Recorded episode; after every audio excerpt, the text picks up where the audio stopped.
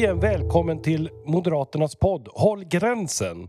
Efter ett sommaruppehåll så börjar vi nu med den första höstdagen i höstmånaden september. Det är alltså onsdag den 1 september. Och eh, vi har på ämneslistan idag Afghanistan, Covid-sommaren 2020, Baltikum och vi har en gäst med oss, precis som det har varit tidigare. Doktor Stefan Olsson från Uppsala. Vem är du? Eh, ja, jag är inte doktor eh, på riktigt. Alltså jag kan inte bota sjuka. Jag är doktor i statskunskap. Det är väldigt fint eh, det. Och jag är från Uppsala då och jag är regionråd för Moderaterna och vice gruppledare där i regionfullmäktige. Att vara doktor i statsvetenskap kan kanske bota en del statsvetenskapliga defekter. Ja, för att man utför ju inte det arbetet. Man forskar ju bara om man är statsvetare. Och eh, du gjorde ju framförallt ett namn eh, för ett antal år sedan när det gällde de svenska tolkarna i Afghanistan. Och det var ju en eh, framgångsrik kampanj, delvis. Delvis inte så eh, succéartad. Eh, men det kastar ljus över den nuvarande diskussionen i Sverige om de svenska tolkarna och eh, deras möjligheter att räddas till Sverige. Kan du berätta lite om hur det var då? Ja, alltså allt det här började egentligen 2012 på sommaren för då var det en grupp eh, afghanska tolkare som skrev ett brev till eh, till Försvarsmakten tror jag att det var. Som, och så sa de så här, hur blir det för oss när ISAF avvecklas 2014? För de såg ju fram, eh, framför sig en, en, osäker tid. Men då svarade ju regeringen bara ganska eh, trist att eh, det går nog inte att göra någonting. Och eh, jag var inte riktigt upp, uppmärksammade inte den problematiken då, men ungefär ett halvår senare så satt jag och fikade med eh, krigskorrespondenten och författaren Johanne Hildebrandt och hon pratade om det här problemet. Och jag var chef för tankesmedjan Fri Värld som sitter ihop med Timbro och eh, som jobbar med utrikespolitiska frågor. Jag tänkte så här, det här kan inte vara bra. Det är någonting som är fel här. Så att vi eh, eh snodde ihop en eh, liten rapport och sen så skrev vi en debattartikel och publicerade i Svenska Dagbladet. Och det öppnade ju liksom en flodvåg av kritik för då fick allmänheten upp ögonen för problemet och det var jättemånga liksom Afghanistan-veteraner och så, och så vidare som hörde av sig och sa att det här kan, här kan ju inte bara, bara vara bra. Och sen har ju den eh, frågan snurrat på och eh, det som hände det var att regeringen då, som var den borgerliga regeringen, jag är kritisk till den också då, men eftersom jag själv är moderat så kan jag ju vara lagom kritisk kan man säga. Så eh, ändrade sig i alla fall regeringen vid det tillfället och man, eh, gick i, man tog hit eh, ungefär 20-talet tolkar med familjer via kvotflyktingprogrammet 2014. Problemet var bara att man gick igenom ungefär hälften av de som hade varit i, i tjänst för Försvarsmakten. Och det var då de som stod på lönelistan under 2013 och 2014. De andra blev kvar. Och sen så levde det här problemet bara vidare. Ja, eh, jag vet inte, jag, du glömde presentera mig Hans eh, och också Paul. Men Paul Jonsson, försvarspolitisk talesperson här och Jessica Rosvall, Europapolitisk talesperson som också är från Uppsala. Så jag känner att Uppsala har en viss övervikt här idag. Det ja, fast du är från Enköping. Ja, men Uppsala län. ja, jag har pluggat i Uppsala, räknas det. Och jag heter Hans ja. Wallmark och är utrikespolitisk talesperson. Jag sa nog inte mitt eget namn heller. Mitt eget namn heller. Men som sagt, vi har haft sommarledigt ett par veckor. kan vara därför. Men nu är vi igång. Eh, ja, men så är det. Nej, men då är det väl Paul som är underläge från Värmland. Vi andra kan... Eller har du någon koppling till Uppsala? Nej, jag kan tyvärr inte göra nej. anspråk på det den här gången. Nej, men då är det utanför. Hur som mm. helst. Nej, men, eh, jätteintressant Stefan. Jag tänkte att eh, gå vidare lite grann till nutid eh, kring tolkarna. För den frågan har ju varit ganska tyst om under... Det är en långkörare som du säger, men den har ändå varit ganska stilla. Men sen så Paul, så, så grodde den, så, tog den ordentlig fart under sommaren. Eh, och sen så exploderade den och nu är det lite lugnt igen. Men kan inte du berätta om hur det började? För jag läste också en krönika från Stefan Olsson för ett tag sedan där du mm. också påpekade att eh, den väcktes till liv hos dig igen när du hade eh, sett ett uttalande från Paul Jonsson. Där fanns faktiskt en koppling till Värmland för den stod i Nya Värmlandstidningen, eh, Stefan Olssons eh, krönika. Så att nu, får, nu kommer liksom allt detta hänger ihop. Paul! Bra, så här. Grunden till detta var ju egentligen att eh, det var ju flera länder redan under våren som började planerade urdragningar militärt men man såg ju också över vilken skyldighet man hade till tolkar och lokalanställda. Jag hörde ingenting från den svenska regeringen att man hade någon som helst avsikt att agera på detta. Då kan man tänka sig att USA hade planer för detta, Storbritannien, Tyskland och en hel del andra länder helt enkelt. Eh, men det är ju som i grunden också förändrade, det var ju att det fanns ju väldigt mycket ett scenario att hela Afghanistan kunde implodera och talibanerna ta över. Så därför gick vi ut då den 31 juli och gick och markerade och sa nu måste vi se över skyddsbehovet för tolkar och eventuellt också lokalanställda som kan ha en hotbild emot sig. Sen agerar ju regeringen ytterst märkvärdigt. De säger ingenting på fyra dagar. Sen går då Hultqvist och Morgan Johansson ut gemensamt och då säger de att det skulle vara grundlagsbrott, det skulle vara ministerstyre, vi kan inte använda kvotflyktingsystemet för det är andra som behöver detta. Eh, mycket märkligt får man ju ändå säga då. Eh, Sen går det egentligen ytterligare sju, åtta dagar och sen i princip eh, samma dag som Kabul faller då, en måndag, eh, då går regeringen ut i en presskonferens och så gör de ungefär det som vi ville då. Man gav ett uppdrag till Försvarsmakten och identifiera vart de är och eh, även till Migrationsverket och värdera deras skyddsbehov. Problemet var ju bara att när Kabul hade fallit, då gick ju all evakuering egentligen på villkor utav talibanerna.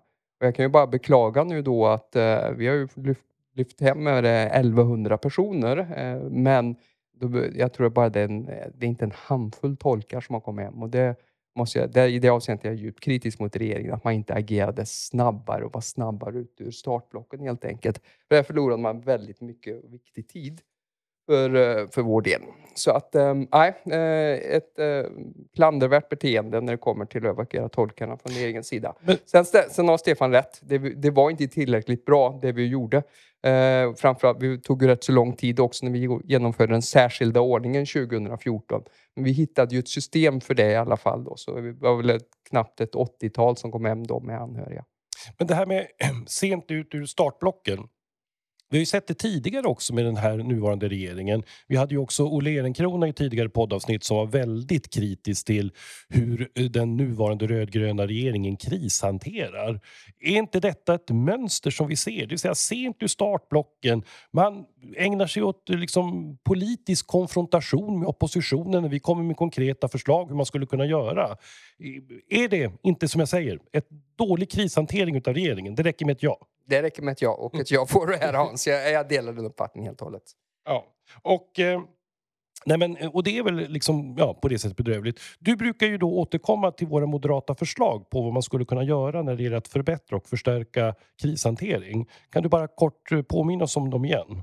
Ja, egentligen i, i grunden borde ju detta vara en fråga som diskuteras i det nationella säkerhetsrådet. Eh, jag vill verkligen understryka här då att tolkar och lokalanställda, det det är en viktig strategisk fråga för Sverige hur vi förhåller oss till de här personerna. För att det här är ju personer som också har verkat, framförallt tolkarna, sida vid sida med det svenska förbandet och därför har de också en höjd hotbild emot sig. I vissa fall har de just till och med suttit ner och tolkat mot talibanerna så vi vet att risken för deras säkerhet är väldigt hög. Och det, och det är klart att det handlar ju också om trovärdigheten för Sverige när vi gör internationella insatser i framtiden helt enkelt. Mm. Det finns jättemycket att tala om det. Vi kommer väl, eftersom inte alla då har vi har fått ut alla så kommer vi väl fortsätta prata om den här frågan. Alltså, Afghanistan har ju, är ju toppat nyheterna nu i, i ett antal veckor.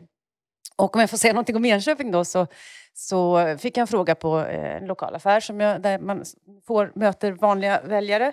Eh, och i alla fall, varför pratas det så mycket om Afghanistan? Det finns ju så mycket annat att prata om också. Eh, och så kläckte eh, Hans Wallmark ut sig igår geopolitikens återkomst, fast mycket mer klatschigt kan man väl säga. Eh, och, då i alla fall, och den är, det har ju hela tiden funnits såklart.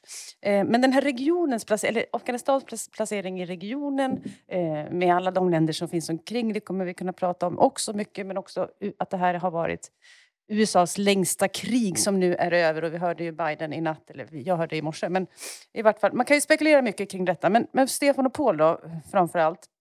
Vad får det här snabba maktövertagandet för konsekvenser eh, för, alltså för USA? Och vad, eh, kan du säga någonting om det, Stefan? Ja, alltså det här är ju ett geopolitiskt problemområde och har varit under många år. Och Eh, jag jobbade i flera år på FOI med just Afghanistan-problematiken och, och eh, vi skrev ju studier som handlade om just det här. Alltså Indiens konkurrens med Pakistan, Irans inflytande. Vi pratar väldigt lite om Iran, men de har en jättelång landgräns här. Och sen eh, eh, Rysslands intressen och eh, Rysslands rädsla för att islamism ska spridas upp genom Uzbekistan och eh, att Kina har stora ekonomiska intressen i Afghanistan och vill absolut inte ha någon form av islamism som sprids till dem. Och det här gör att det här området är högintressant för alla världens stormakter. Och nu har USA då brådstörtat bara lämnat och utan någon slags idé om vad det här området ska eh, fyllas med. Och vi vet ju att eh, blir det tomt på kartan geopolitiskt, då kommer någon annan och flyttar in. Så att man kan ju faktiskt fråga sig vilken stormakt är det nu som är vinnare på det här? Och jag är inte riktigt klar över det, men vi vet ju att talibanerna har sedan tidigare nära sam, eh, samverkan med pakistanska myndigheter för att Pakistan är ett väldigt rörigt land. Då. De är egentligen allierade med väst, men inte på just den här punkten kan man säga. Och eh, de tycker att det här är bra för att det stärker deras eh, inflytande gentemot Indien. Och rivaliteten mellan Pakistan och Indien, den går liksom bortom beskrivningar i rationella termer. Två saker som är oroliga rent hands-on och konkret när det kommer till terrorhotet. Då. Det ena är naturligtvis att nu är Amerika borta från marken. De sista evakueringen gick ju eh, av stapeln igår och det är klart att amerikanernas inflytande över Afghanistan blir ju då i närmaste försumbart. Dels har man inte ögon och öron på marken, dels har man inte den här möjligheten till att angripa eh, terrorister och aktörer lika effektivt som man har man är liksom, det finns en betydande risk helt enkelt att eh, Afghanistan kan bli någon form av säker zon för terrorister. Vi vet åtminstone att de har nära band fortfarande, talibanerna tillsammans med al-Qaida. Det är väl dokumenterat. Sen har de ju eh, en pågående konflikt då med Isis-K som de heter. Men dels är den risken.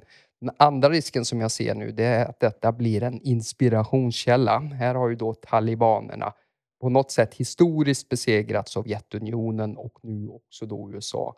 Eh, jag föreställer mig att det kommer tyvärr att firas en hel, den 11, hel del den 11 september. Det här blir ju liksom en inspirationskälla. Bara man har tillräckligt uthållighet så kan man besegra USA. Eh, och I det avseendet är jag djupt orolig över utvecklingen i Afghanistan. Och tar man då det historiska perspektivet så har de dessutom gjort sig av med britterna en gång i ännu längre tillbaka i tiden. Jag tror Hans, gör du samma tolkning som Stefan om den geopolitiska återkomsten? Vem är Vilken stormakt är det som kommer? Eller tolkning? Eh, jag tänker har inte, du någon gissning? Jag, jag, nej, jag tänker inte kora någon vinnare. Jag tycker att eh, det Stefan beskrev är väldigt klokt. Alltså det är ju eh, Ryssland, Kina, eh, Pakistan, där Pakistan är, där finns Indien och så är det Iran. Och sen återstår det att se, även om det just nu tycks vara så att eh, Kina är de som har etablerat, eh, för närvarande, de närmsta kontakterna med talibanerna. Jag tror att när det gäller då den, den svenska debatten, om man tittar på den, en konsekvens utav eh, det som nu sker i Afghanistan. Dels tror jag att det kommer påverka den svenska biståndsdebatten. Eh, för på samma sätt som man då ställer sig frågan, men vad har 20 år av militär närvaro i Afghanistan verkligen lett när Eh, Kabulregeringen faller på sju eller nio dagar. Och på samma sätt så måste man ställa sig frågan, ja, men vad har alla de här biståndsmiljarderna i uppbyggandet av både institutioner men också infrastruktur och en del annat. Vad har det egentligen lett till när du får det här snabba sönderfallet? Jag tror att människor kommer att inse att det finns en, en stor skillnad mellan det man kallar utvecklingsbistånd, det vill säga bygga upp institutioner och, och vägar, och det humanitära. Och då kommer vi in på det andra, nämligen jag tror att vi står inför en omedelbar risk för en humanitär katastrof i Afghanistan. Det har varit torka, det har varit missväxt. Nu faller hela den så att säga, infrastrukturen, statliga infrastrukturen samman. Bankväsendet, alltihopa. Eh, och människor är i, i panik, man är rädda. Och det är en väldigt ung befolkning. Och det är ungefär 38-40 miljoner. Och det är det som vi då har kopplingen till de här flyktingströmmarna. Och då ska man inte heller utesluta att det finns länder som cyniskt kommer att kanske använda flyktingströmmar som ett vapen, som ett påtryckningsmedel. Vilket vi ser redan idag i form av Belarus i förhållande till Litauen och Polen. Där man då helt enkelt eh, fraktar in flyktingar från Irak för att utöva påtryckningar. Det är alltså ett typ exempel på ett stresstest mot EU men också hybridkrigföring. Och det kan man inte utesluta heller här, men det är ju bara på en helt annan nivå. Eh, säg att hälften av Afghanistans befolkning kan vara i, i den här riskzonen. Det är otroligt många människor. Även om då kanske Iran och Pakistan är de första avnämarna, men ändå, man kan inte utesluta det. Det tredje det är att det kommer att påverka tror jag, synen på internationella insatser och det har vi ju redan nu en svensk diskussion om. Ska vi vara kvar i Mali, i Minusma, i Operation Takuba tillsammans med Frankrike? Och det fjärde, USA. När man över en natt lämnar Bagdadbasen i Afghanistan påminner också om när president Trump eh, såg till att man övergav sitt vapenbrödraskap med kurderna. Varm mat kvar på bordet, tv-spelet var igång just detta att man liksom överger någon som man ändå har, har kämpat tillsammans med. Jag tror att den bilden är väldigt besvärlig för USA. Eh, och det, den så säga, interna kritiken finns ju också i, i Amerika. Stefan, du följer ju också det där. Eh, så är inte det här liksom en allvarlig skada för USA som trovärdig internationell partner? Jo, i allra högsta grad. Jag skulle nästan säga att det här är värre än Vietnam. Vietnam var ju liksom eh, då trodde ju amerikanerna att de skulle kunna göra någon slags repris på andra världskriget. Och tvinga fram demokrati där och det skulle bli bra och folk skulle bli lyckliga. Så Men sen så, det var inte riktigt så bönderna på landsbygden tyckte då. Och det är likadant här, att eh, de är inte helt intresserade av det västerländska upplägget kan man säga då. Men, eh, och sen då, sortin ur Saigon 1975 var ju skamlig.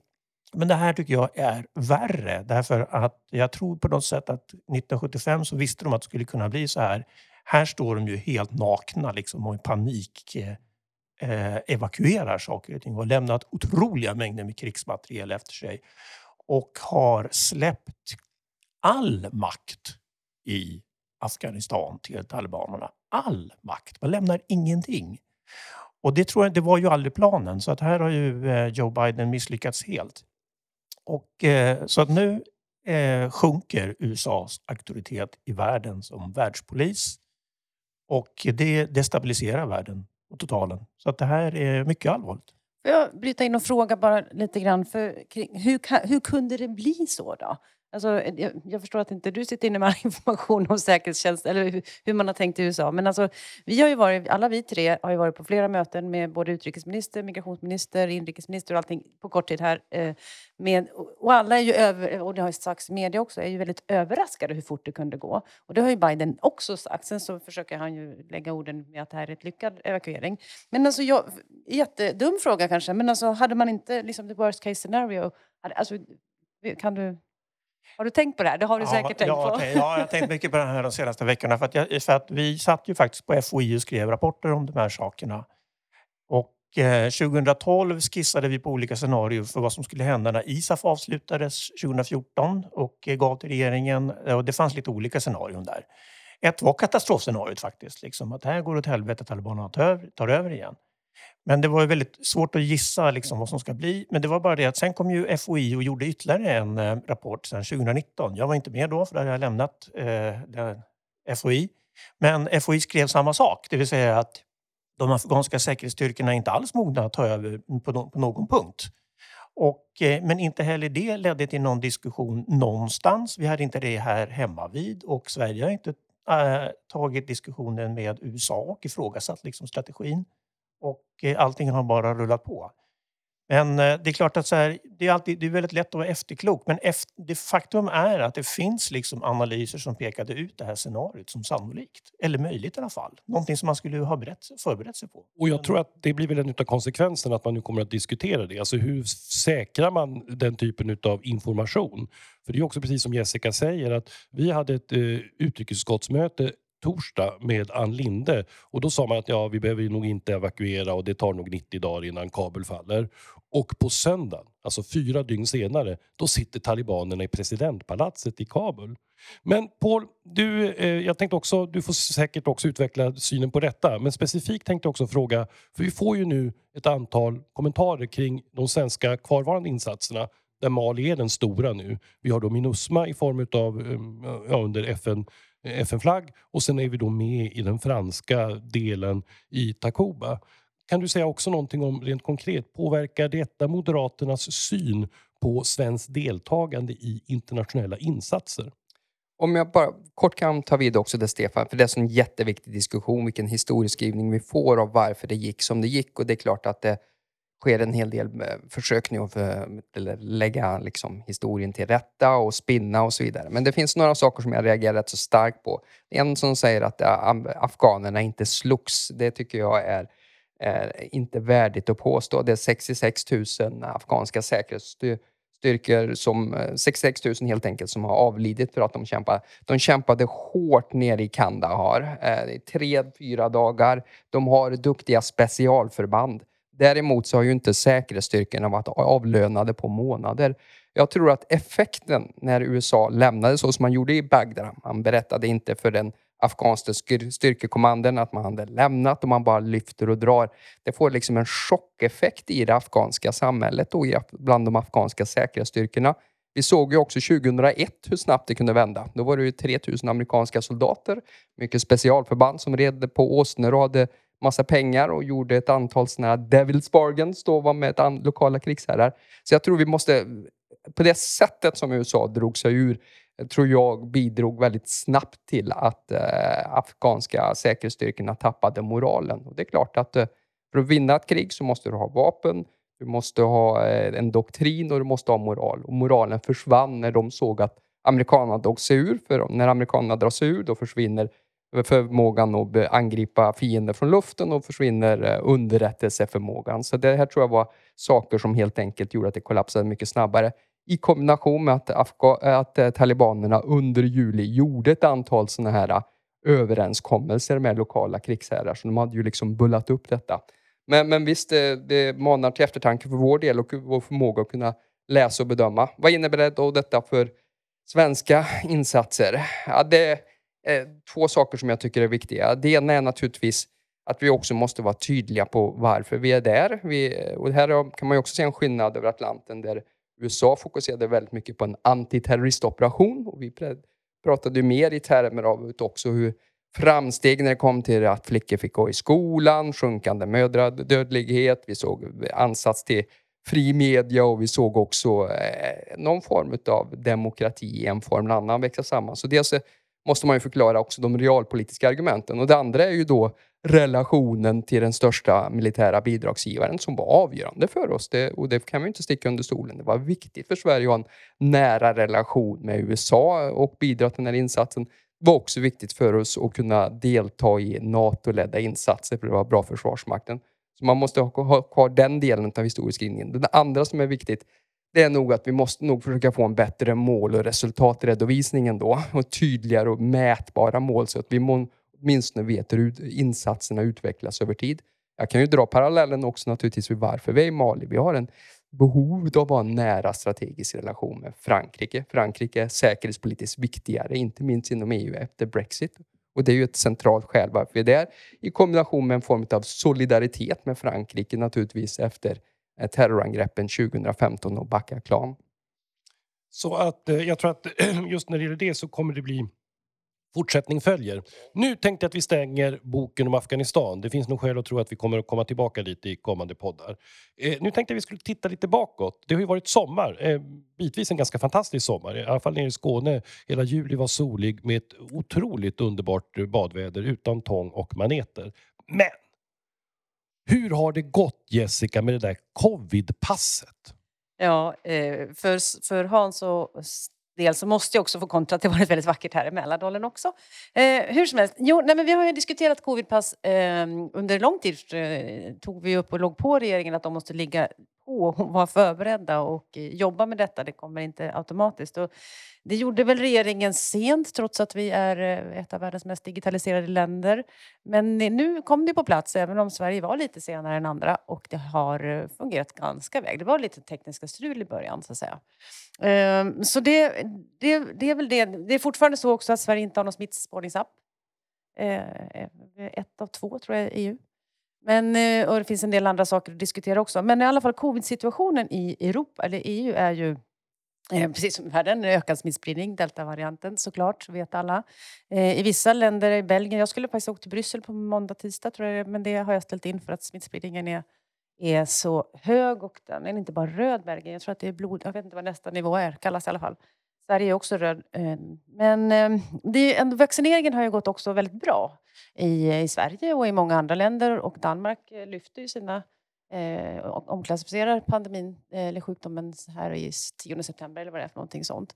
Men det finns också länder i EU som inte har så hög vaccinationsgrad. Eh, Bulgarien och Rumänien framför allt.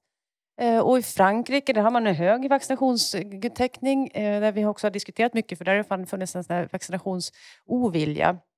Eh, men de har ju haft ganska tumultartad scener har vi sett från där man har ju infört covidpass, nationella då, med krav på att få kunna komma in på restauranger och kaféer och så.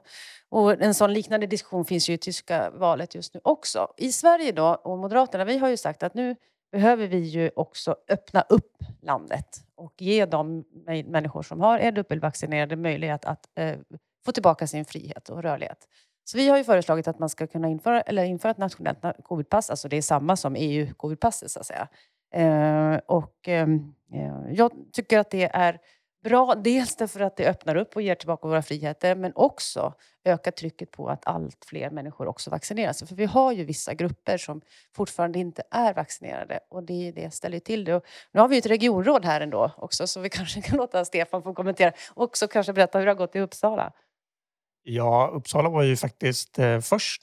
Vi ledde ju tävlingen när det gäller att få befolkningen vaccinerade. Sen har ju andra kommit ikapp då, men Eh, så vaccinationskampanjen har gått, alldeles, har gått över förväntan, eh, tycker jag. Jag tycker ändå att det här är väldigt bra gjort. Nu är det eh, några grupper kvar som är väldigt svåra att övertyga. Och det är ju det som är bekymret för att nu sprids den här nya deltavarianten och det kan man se att det blir flera patienter utav det. Men jag tittade på siffrorna så sent som igår och eh, det verkar som att vi i Uppsala län har en nedgång i smittspridningen och det betyder ju då att patienterna inte ökar på sjukhusen. Och, då, och det är ju framförallt sjukhuskapaciteten som är avgörande för om man kan släppa på eh, våra friheter igen. Då. Eh, så det ska man, man ska inte bara titta på smittspridningen. Jag tycker nästan att det blir lite för mycket fokus på den. Man måste kolla på kapaciteten på intensivvårdsavdelningarna i landet. För det är egentligen det som är den huvudsakliga trånga sektorn. Mm. Och då ser vi också att de som ligger på IVA är eh, i huvudsak ovaccinerade. Ja, ja, ja, jag tror så är det. Och sen är det en och annan som faktiskt är vaccinerad men som kommer in ändå. Men vi vet ju att vaccinerna håller bara till 90 procent. Mm. Så att någon patient ska ju komma in. Mm. Ja, men så det är det som hänt på den situationen, eller den frågan. Vi, pratar ju väl, vi kommer ju fortsätta prata om det här under lång tid framöver så att säga. Och därför är ju covidpassen, en, nationella covidpassen en, en del av detta. Så jag tänkte inte nämna återhämtningsfonden idag. Vi kan väl prata om det någon annan tack, gång. Tack, tack, tack. Och, och, inga akronymer och bokstavskombinationer från, från EU. Eh, e jag bara tänkte, rent, vi brukar ju ta upp det eh, också, gräns zonernas problematik, gränsområdena. Värmland, Bohuslän, hur, hur, är, hur är dagssituationen för er? Får ni röra er mellan Värmland och Norge? Eh, ja, det var ju bra tills man valde att ha en tantrafestival i Molkom, kan ni ju känna till då. Eh, och då vill jag ju säga då att gränshandeln i Värmland omsätter 6 miljarder. Det är väldigt mycket för ett litet län. Eh, och vi hade ju då ett inflöde av eh, normen då som är helt avgörande för den lokala ekonomin där. Eh, det gick bra tills dess att man hade den här tantrafestivalen i Molkom. Det var 500 personer som var där. Man fick en enorm klustersmitta. Och över natt då gick Värmland från grön till röd och så stängde man ner eh, gränsen då. Charlottenberg och Töcksfors är de här två stora shoppingcentren. Jag kan säga att kommunalråden i de kommunerna, eller vi på riksdagsbänken, var inte så roade av detta med tantrafestival. Framförallt då eftersom huvuddelen som var där tydligen var ovaccinerade. Jag kan ju säga det som anekdot. Eh, problemet med, mot gränsen mot Norge är fortfarande tyvärr inte löst. Då, eh, det finns nog skäl att återkomma i alla fall till delar av detta, typ stängd gräns. Jag tror att vi lämnar tantrafestivaler. Eh, det kommer nog inte återkomma i den här podden. Eh, något annat som också har präglat nu sensommaren och glider in mot hösten och kan bli en, en intressant fråga för er i försvarsutskottet. Det är väl dels den här rapporteringen om fördyringarna utav ubåtar och sen så kommer Riksrevisionens eh, rapport i, för någon dag sedan som är ganska kritisk till uppbyggnaden utav de eh, armébrigader som man har beställt från riksdagens sida. Berätta lite kort, Paul. Hur ser det ut när det gäller den försvarsekonomiska debatten som kommer att föras de kommande månaderna? Ge oss eh, linjerna i detta skyttegravskrig mellan verkligheten och fiktionen. Eh, läser man Riksrevisionsrapporten så menar de att den hänger ihop. Eh, armén i Sverige har över tid haft stora problem. Det har inte varit ett sammanhängande stridskraft utan vi har haft öar av verksamhet som helt enkelt inte funkat. Vad Riksrevisionen pekar på när det kommer till armén då, det är dels att de menar på att arméchefen inte haft tillräckligt rådighet att styra och ställa. Det andra som de ju helt korrekt pekar in på det är ju att det var ett underfinansierat försvarsbeslut som fattades 2015. Men det vill jag verkligen säga att Moderaterna ändå stannade kvar med det och tog ansvar. Du, du Hans var ju med och förhandlade upp tre överenskommelser för att dra upp budgeten och sen så var det ju MKD-budgeten som löste ut de sista 17 miljarderna. Men vi lärde oss en läxa, inga fler underfinansierade försvarsbeslut, så det är väl en viktig läxa att ta fram. Finns det lärdomar inför framtiden? Ja, jag tycker ju det.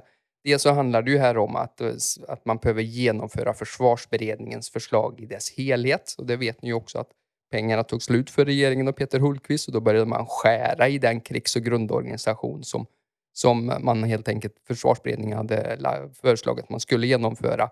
Det, det blir inte bra för framförallt armén tappar sin uthållighet. För man stryker ofta logistikförband och underhållsförband. Så det är väl det ena. Det andra är väl då att eh, just kopplat till ubåtarna här så blir det ju både fördyringar men det blir också förseningar och det får operativa konsekvenser för vårt djupförsvar. Och det ska man ju ha klart för sig att ubåtarna är del ryggraden i vår marina förmåga och de är väldigt viktiga både för underrättelseinhämtning och de har faktiskt en stark krigsavhållande förmåga.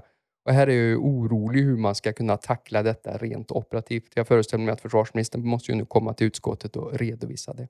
Stefan, du eh, har ju också varit ganska aktiv i den svenska försvarsdebatten genom åren. Inte minst när du var på Fri Värld, för då hade du ju ja, en, friare, en friare situation. Hur recenserar du den svenska försvarsdebatten 2021? Ja, det är gamla synder som kommer tillbaks. Eh, jag läste den här eh, artikeln i Dagens Nyheter om Riksrevisionens rapport och tänkte så här. allt det här har jag hört förut. Allt som står där. Ingenting är nytt.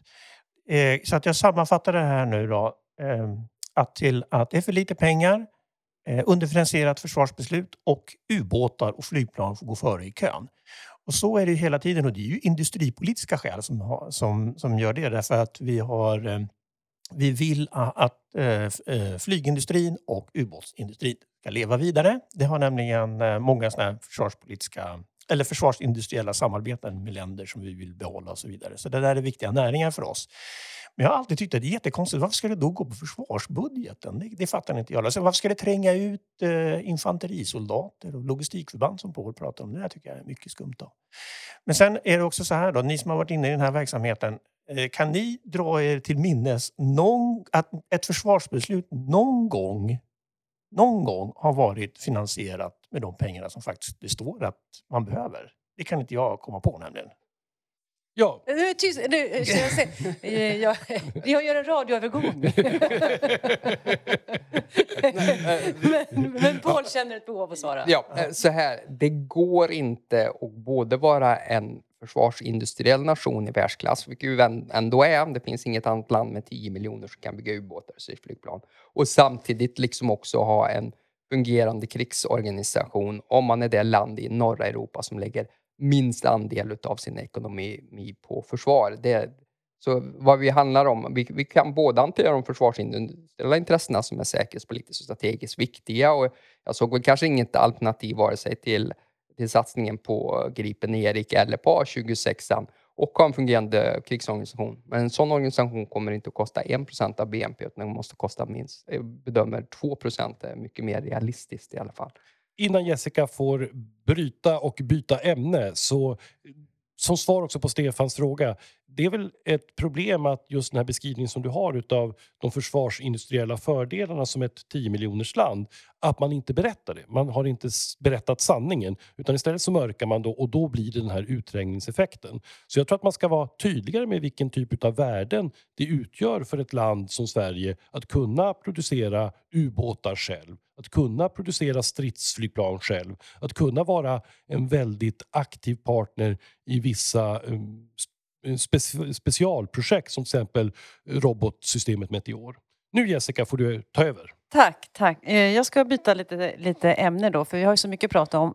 Men i augusti nu så har vi ju firat 30 år av återupprättad självständighet för Estland, Lettland och Litauen. Och Eh, vi, jag ska snart fråga Hans om eh, en sak, men jag läste Gunnar Hökmarks ledare för någon vecka sedan, kanske två veckor sedan, eh, som var väldigt bra i Svenska Dagbladet kring just hans engagemang i... Och det var rubriken jag är ute efter, för rubriken var ungefär så här. Vårt stöd till balterna blev en del av deras frihetskamp. Och så gick han igenom då måndagsrörelsen på ett väldigt bra sätt och att den inte är över och vi kan dra paralleller, eh, vi kan dra några slutsatser och lärdomar och paralleller till dagens eh, eh, utmaningar med diktaturer. Men hur som helst, så den skulle jag, jag vilja tipsa om. Men jag skulle också vilja tipsa om Hans debattartikel i Sydsvenskan som eh, heter, tror jag, eller rubriken kan ha Hansan 2.0. Stämmer det Hans? Något sånt, men det var innehållet. Det är vad det handlar om. Men jag tror, eh, precis som Gunnar och eh, egentligen alla andra moderater, på hur viktigt det är att vi nu fortsätter att fördjupa samarbetet runt Östersjön mellan Norden och Baltikum och inse vilka strategiska värden det är eh, när det gäller eh, säkerhetspolitik, när det gäller näringsliv, när det gäller klimathantering. Eh, och där borde vi liksom lyfta det till en ny högre nivå. Och sen är det precis så, jag tror att vi också vi är ibland lite dåliga, både balterna och nordborna, på att påminna att det finns ju goda exempel hur man etablerar eller återetablerar demokrati, frihet, marknadsekonomi. Estland, Lettland och Litauen är ju bevisen på det. Som kontrast till det vi nyss pratade om Afghanistan. Det går att bygga strukturer men det förutsätter eh, en, ett antal faktorer. Och därför så tycker jag att det är verkligen framgångsberättelser. Och det borde vi då än mer understryka genom att säga hur kan vi nu ytterligare fördjupa detta mellan Norden och Baltikum? Och jag var ju i eh, Riga för någon dag sedan för att delta i firandet där utav 30 år utav återupprättade diplomatiska förbindelser. Och det är också viktigt att säga, det är inte att vi, vi gratulerar dem till självständigheten. Vi gratulerar dem till att de har återtagit sin självständighet. Just den här historiska linjen, de var ockuperade av Sovjetunionen och Röda armén. Eh, men har återtagit sin frihet, återtagit sin självständighet. Och då är det dessutom så att bland de första saker de gjorde det var att försöka bli medlemmar av Nato. Och sen utav EU. Och jag tror att det är två personer vi ändå kan nämna också som eh, delaktivister eh, i den här framgångssagan. Och det är Carl Bildt och Margareta af Ugglas, då statsminister och utrikesminister. Deras betydelse för Baltikum kan inte underskattas när man skriver historien. Stefan, håller du med mig? Självklart. Eh, jag Bra, är... då kan vi ta nästa fråga. jag ingår i samma parti som du och vi skriver historien på likartat sätt. Men jag tänkte faktiskt på en sak. Just det här att vi behöver ett eh, förstärkt samarbete då runt Östersjön. Det är någonting som jag har argumenterat för väldigt länge. Men jag tror att det faktiskt de senaste veckorna har blivit ännu mer angeläget därför att USA spelar en väldigt stor roll för Nato och alla NATO-länder vill egentligen ha amerikansk närvaro för att det vet man att det är har störst avskräckande effekt. Men det är ju bara att titta på liksom, hur mår USA idag? Liksom det, man, man, är, man har ju åkt på jordens bakfylla liksom, när det gäller eh, Afghanistan. Så att varför ska de bry sig om välår, alltså skötsamma länder i nord? Och vi, kan liksom inte, vi kan inte tänka in USA på samma sätt tror jag när det gäller våra, våra, eh, vårat geopolitiska läge. Utan det vore ju bra då om Sverige och Finland liksom klev fram och tog lite ansvar för området ledde det här. Men vi står ju tyvärr utanför försvarsalliansen då. Så, att jag, så, så att det är vi som är problemet helt enkelt. Mm. Och då ska jag säga så här, jag håller med dig. Ja, det, och det är inte bara för att vi då är med i samma parti. Eh, Paul ska åka till Litauen och göra ungefär det jag gjorde i Lettland förra veckan. Men jag tänkte att det kan du berätta om i nästa podd. Eh, dina erfarenheter utav det och exakt vad du sa för klokt i Vilnius. Men jag tror att det är väldigt viktigt också att vi har den här parlamentariska närvaron. Att vi verkligen handfast visar att vi är där på plats. Jag nämnde ju inledningsvis det jag tycker är ett stresstest mot EU och en hybridkrigföring. Nämligen eh, det Belarus gör gentemot Lettland, Litauen och Polen. Med eh, bokstavligt talat man fraktar eh, flyktingar från Irak mot de här gränserna för att provocera. Jessica, du som är Europatalesperson. Fattar Fattar EU, fattar Europa vad det är som vi utsätts för genom det som händer gentemot Polen, Lettland och Litauen?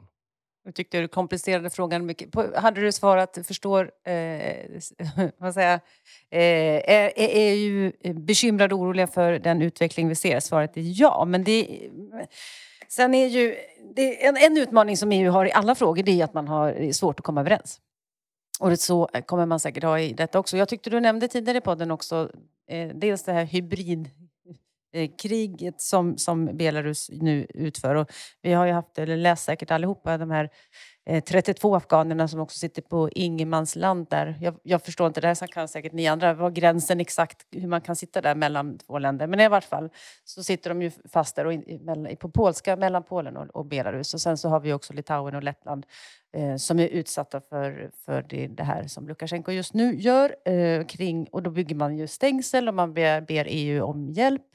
Eh, och det, EU har ju skickat hjälp via Frontex till exempel och så. Och sen så har man ju också haft extra möten med, med eh, migrationsministrarna kring den större problematik som jag tror också du nämnde Hans, Vad, vad händer nu när eh, Afghanistan ekonomiskt kollapsar och man har, kom, har ju ett, jättemånga miljoner, om det är fyra miljoner in, alltså, Eh, flyktingar inom landet och vad ska de här ta vägen? Så att säga. Så, och det kommer också drabba eh, EU. Och det, det som händer tror jag, eller hoppas jag snarare kanske, det är att den här migrationspakten som, man, som Ylva Johansson ansvarar för och Thomas Tobé eh, från Europaparlamentet, att det förhoppningsvis kommer gå lite skyndsammare till att komma till ett slut. För att man först, hoppas jag, svaret på frågan det vet jag inte, men att man hoppas att, eller jag hoppas att man kommer förstå att det behövs en ordnad, ordnad och strukturerad migrationspolitik eller regler från, för, för EUs sida.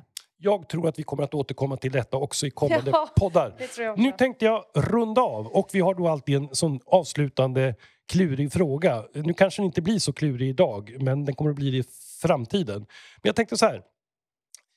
Ett gott minne eh, från Baltikum, från Estland, Lettland, Litauen. Något som ni skulle vilja lyfta fram. Jessica får börja. Ja, men tack.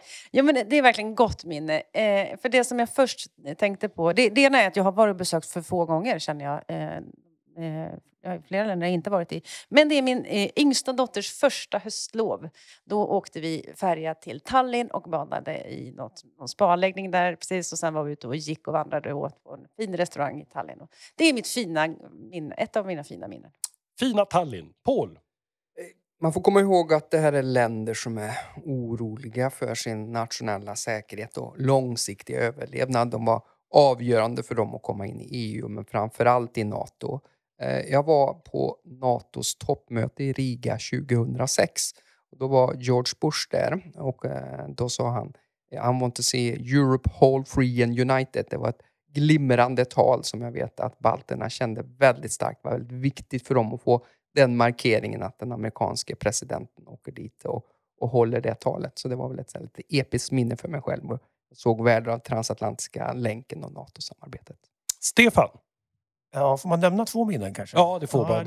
Ja, på... Gärna ett från Litauen också, för nu har vi haft ja, Estland och Lettland. Ja, precis. Nej, men det var det som Paul eh, eh, väckte ett minne hos mig nämligen. Som, för att på, I stadshuset i Litauen så finns det en, eh, en platta i, i väggen där, där ett citat från eh, George Bush, den eh, yngre, finns. Där, där han säger att, att eh, den som är fiende med Litauen är även fiende med USA. Och det här är liksom betyder, det är därför det är så otroligt viktigt vad som händer med USA. Eh, det som händer i Afghanistan har liksom betydelse för oss här i Östersjöområdet. Då. Men eh, det som jag hade förberett där, som jag visste att frågan skulle komma, det var ju snarare ett annat minne. Och det, var, det är så att jag har varit en hel del i Lettland och i Riga och jag var där första gången 1996. Och det var ju precis efter Sovjetunionens fall och det var ju social misär överallt. Barn som tiggde och prostitution öppet och Eh, folk bar faktiskt vapen synligt också. Det var förfärligt helt enkelt. Men några år senare när man kom dit så ser man så här, nej men städar man upp. Och eh, företagare investerade och restauranger och verksamheter växte fram och sen har jag varit dit igen och nu kan man inte se skillnad mellan Riga och någon annan europeisk stad. Och min tanke då när jag var där på eh, sekelskiftet ungefär, då tänkte jag så här, nej det här kommer gå bra, tänkte jag. Det här är ett folk som tar ansvar. Sen har jag faktiskt aldrig känt någon oro för eh, Lettland och de baltiska staterna i övrigt på, på den här punkten. Nej, men jag, jag delar den synen. Jag åkte första gången till Estland 1989 och sen har jag varit eh, i de olika länderna i då drygt 30 år. Och det är just som du beskriver den fantastiska utvecklingen. Eh, konstmuseet i Tallinn, jättefint. Eh, kan rekommenderas eh, om man eh, åker över. Och Riga, denna fantastiska hanseatiska stad med jugendarkitektur, eh, eller art nouveau som de kallar det där. Och eh, den stadsarkitekt som de hade som heter Eichenstein. Och det finns fantastiska byggnader. Och eh, Eichenstein är då pappa till eh, regissören Sergej Eichenstein, han med Potjomkin. Eh, så att vill man titta på vackra byggnader och dessutom se hur de har renoverats upp så är det en utmärkt stad att åka till. Och då kan man framförallt gå förbi Stockholm School of Economics som har betytt väldigt mycket för att injicera kunskap och vetenskap i eh, hela Öst och Centraleuropa. Med det, on this happy note, för det här var faktiskt en gångs skull en happy note, så tackar jag Stefan Olsson, regionråd eh, i Uppsala. Jag tackar Jessica Rosvall, Europatalesperson för Moderaterna. Paul Jonsson, försvarspolitisk talesperson. Undertecknad, utrikespolitisk talesperson. Och sen har vi Patrik som står bakom mixerbordet. Tack och hej! Vi återkommer om någon vecka. Tack!